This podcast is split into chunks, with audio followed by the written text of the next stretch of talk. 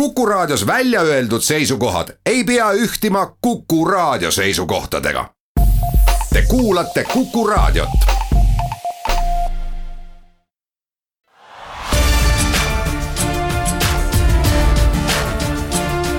linnaveerand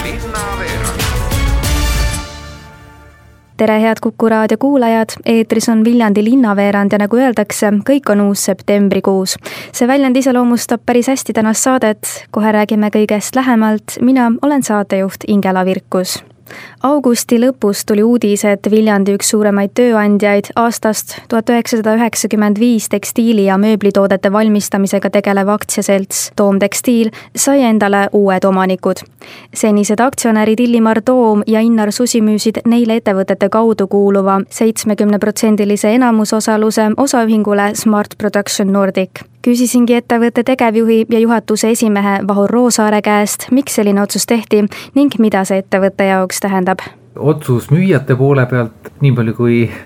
mina olen müüjatega nagu rääkinud, siis äh, lihtsalt, et seal oli põhiline motivaator oli, oli, oli see, et suuromanik Illimar Toom, tema siis tegelikult äh, soovis sellisest aktiivsest, väga palju tähelepanu nõudvat tegevusest äh, kõrvale astuda ja, ja, ja keskenduda siis muudele tegevustele, kus on siis võib-olla natukene nagu rahulikum, et, et, et jah, ja kuna olid huvilised olemas ja ta mõnda aega oli enda jaoks seda juba, juba kaalunud, siis äh, oli see täiesti loomulik protsess, et keegi tuleb ja, ja, ja siis ostab selle äri ära. ostjate poole pealt oli see otsus ja huvi siis eelkõige seetõttu, et äh, Toom Tekstiil on selline pika ajalooga ettevõte, kus on siis ehitatud üles äh, toimivad süsteemid, on päris palju inimesi, on päris palju huvitavaid tehnoloogiaid, on päris palju võimalusi tulevikus kasvada ja, ja kuna meie poolt sattus kokku kokku selline grupp inimesi, kes olid valmis omalt poolt äh, nii rahaliselt panustama kui oma teadmiste ja oskustega, siis, äh, siis nii need asjad ja otsused sündisidki. Teil oli vist ka üks tingimus, et tootmist Viljandis ja Abja palu ajal ei lõpetataks?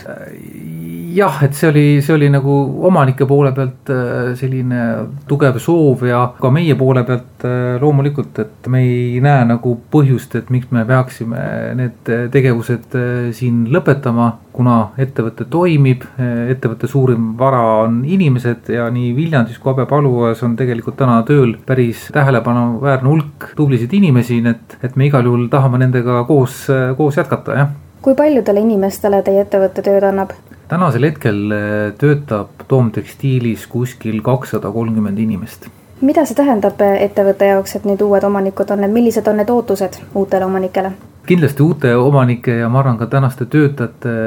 töötajate ootused on see, et ettevõte ikkagi suudaks pakkuda siis töötajatele paremaid väljakutseid, loomulikult on töötajatel huvi äh, saada siis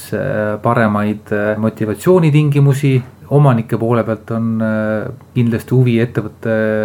kasvule kaasa aidata ja selleks, et kasvada, on erinevaid äh, võimalusi. meie näeme kasvu ja, ja ka majandustulemuste paranemiseks äh, investeeringuid tehnoloogiatesse, me näeme investeeringute vajadust inimestesse, me tahame liikuda natukene kõrgema väärtusega tootegruppidesse ja, ja, ja kindlasti siseneda ka uutele turgudele, kus täna toomtekstiil ei ole väga aktiivne olnud. mingeid äh, ümberkorraldusi ei ole plaanis? eks äh, ümberkorraldused on iga ettevõtte või enamus ettevõtete igapäevane osa, et kindlasti me kogu aeg vaatame, mõtleme kuidas me saame paremini, kuidas meil on efektiivsem toimetada, nii et selliseid äh, totaalseid suuri äh, ümberkorraldusi nüüd lähiajal äh, jah, küll plaanis ei ole, et me kõigepealt ikkagi elame siin sisse ja tegeleme operatiivsete asjadega, kuidas paremini toimetada ja, ja, ja, ja kuidas ikkagi ettevõtte jah, tegevust parendada, nii et sellist totaalset muutust me siin lähiajal küll ette ei näe jõudsin Viljandis olles ka Sakala keskusesse, kus rääkisin Sakala keskuse juhi Jaanus Kukega sellest, et neljateistkümnendal ja viieteistkümnendal septembril tähistatakse Viljandi seitsmesaja kolmekümne kuuendat sünnipäeva. küsisin, mis selle tähtsa päeva puhul Viljandis toimub ning lisaks rääkis Jaanus ka viljandlastele juba tuttavast pika laua peost meil on olnud äh, Viljandi linna sünnipäevaga niimoodi, et, et me oleme seda pidanud äh, väga erineval äh, moel ja erinevates paikades. Ja sel aastal me oleme tulnud siis tähistama seda Turu tänavale, mis viljandlastele on, on kindlasti tuttav koht. Ja katsumegi teha siis niimoodi, et, et Turu tänava selles lõigus, mis on Tallinna ja Kaalu tänava vahel, on siis erinevad tegevused, me kaasame sinna ka siis Turu tänavaga külgnevaid hoove ja nendest siis tekivad noh, nii-öelda erinevad alad või. Äh, tekib lastehoov raamatukogu kõrvale, tekib spordihoov Sakala keskuse hoovi, tekib noortehoov küll siis Turu tänava peale Vilma maja tänavapoolsesse osasse ja siis Vilma hoovis endas on siis äh, Kultuuriakadeemia avatud uste päev, kus siis saab külastada nii sepikoda, puidukoda, noh, kõikvõimalikke töökodasid ja saale, mis tavaliselt inimeste jaoks suletud on, kus siis käib õppetöö, eks ju. ja, ja tänava peale me püstitame lava, kus on siis kultuuriprogramm ja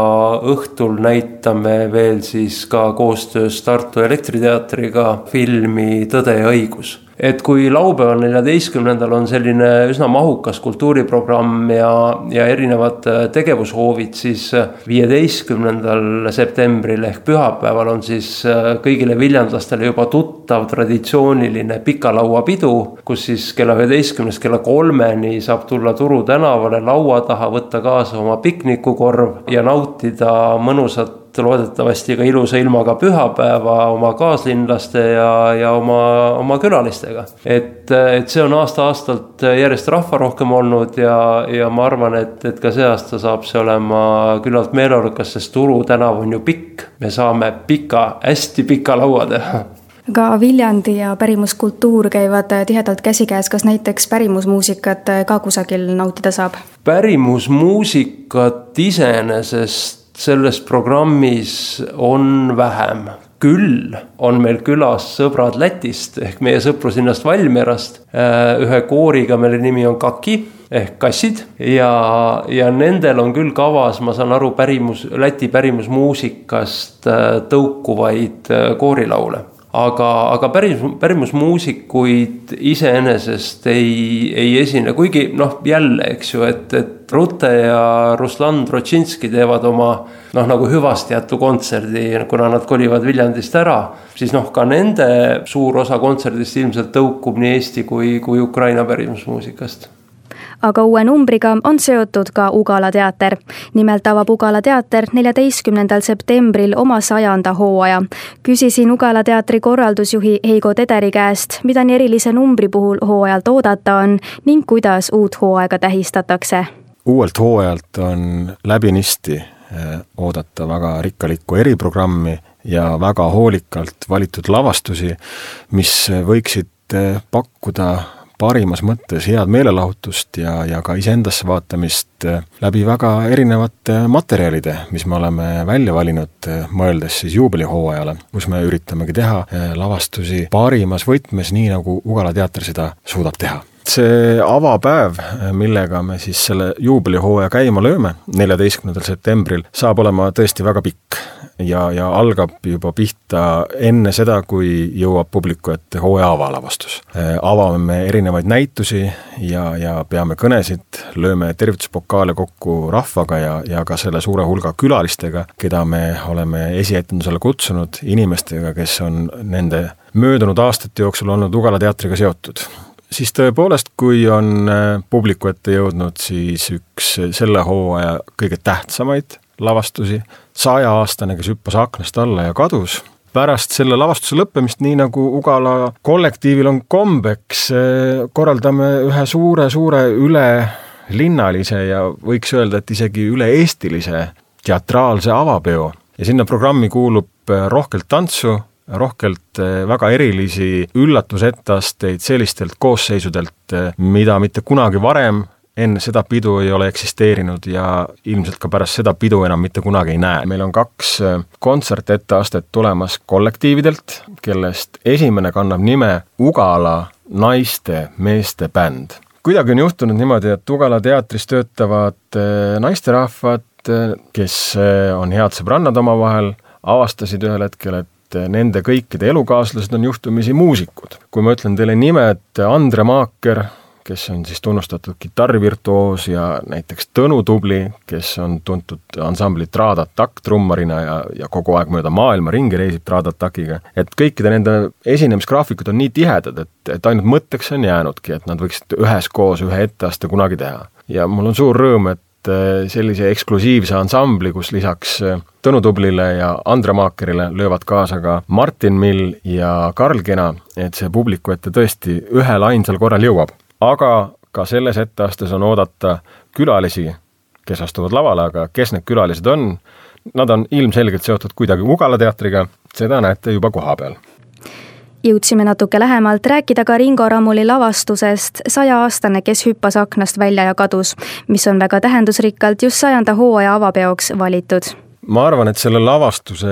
leidmine oli üks äh, õnnelik juhus. me ju oleme planeerinud juubelihooaega väga pikalt ette, mitu aastat ja otsisime materjali, mis äh, oleks piisavalt hullumeelne, aga ka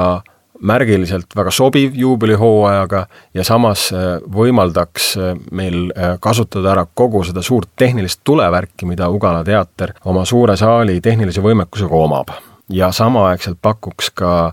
head meelelahutust publikule ja oleks ka väärt väljakutseks näitlejatele. Ja siis lõpuks äh, meie dramaturgid Liis Aedma ja Laura Kalle leidsidki selle raamatu, mis äh, omal ajal Rootsist äh, hakkas maailma vallutama, on tõlgitud loetamatutesse keeltesse ja saanud ka väga populaarseks filmina. esmapilgul, kui me selle materjali kätte võtsime ja lugesime, siis esimene reaktsioon oli, et see on niivõrd hullumeelne alusteos, et sellest lihtsalt ei ole võimalik teha teatrietendust. ja, ja just sellisel hetkel, kui me jõudsime sellisele äratundmisele, et sellest on võimatu teha lavastust, saime me aru, et aga just nimelt eh, see ongi piisavalt väärikas eh, proovikivi meile kõigile ja, ja mul on väga hea meel, et eh, meie kõige noorem lavastaja Ugala teatris, Ringo Ramul, oli piisavalt julge, ütles, et jah, ma tahan seda väljakutset vastu võtta ma ei taha isegi reeta, mis siin laval juhtuma hakkab, küllap publik siis eh, näeb ise ja saab ise ka aru, et miks see lavastus on selline, mille kohta on mängukavas kirjas, et selle lavastusega mitte kuskil mujal, välja arvatud Ugala teatris, ei ole võimalik seda vaadata, sest eh, tõesti, ta on tehtud siia eh, Ugala teatri suurde saali ja tehtud kõiki seda tehnilist virvarri ära kasutav ma võiksin öelda siis äh, isegi niisugune hullumeelne rännak, kus on väga palju rõõmu, naeru, kus on ka omad kurbusenoodid ja kus on väga palju head muusikat, äh, mille eest seisab äh, koos näitlejatega kogu aeg laval viibiv ansambel. Selleks korraks ongi aga kõik, suur aitäh kuulamast, mina olen Ingela Virkus, soovin teile ilusat sügise jätku ja kohtume Viljandi linnaveerandi saates juba paari nädala pärast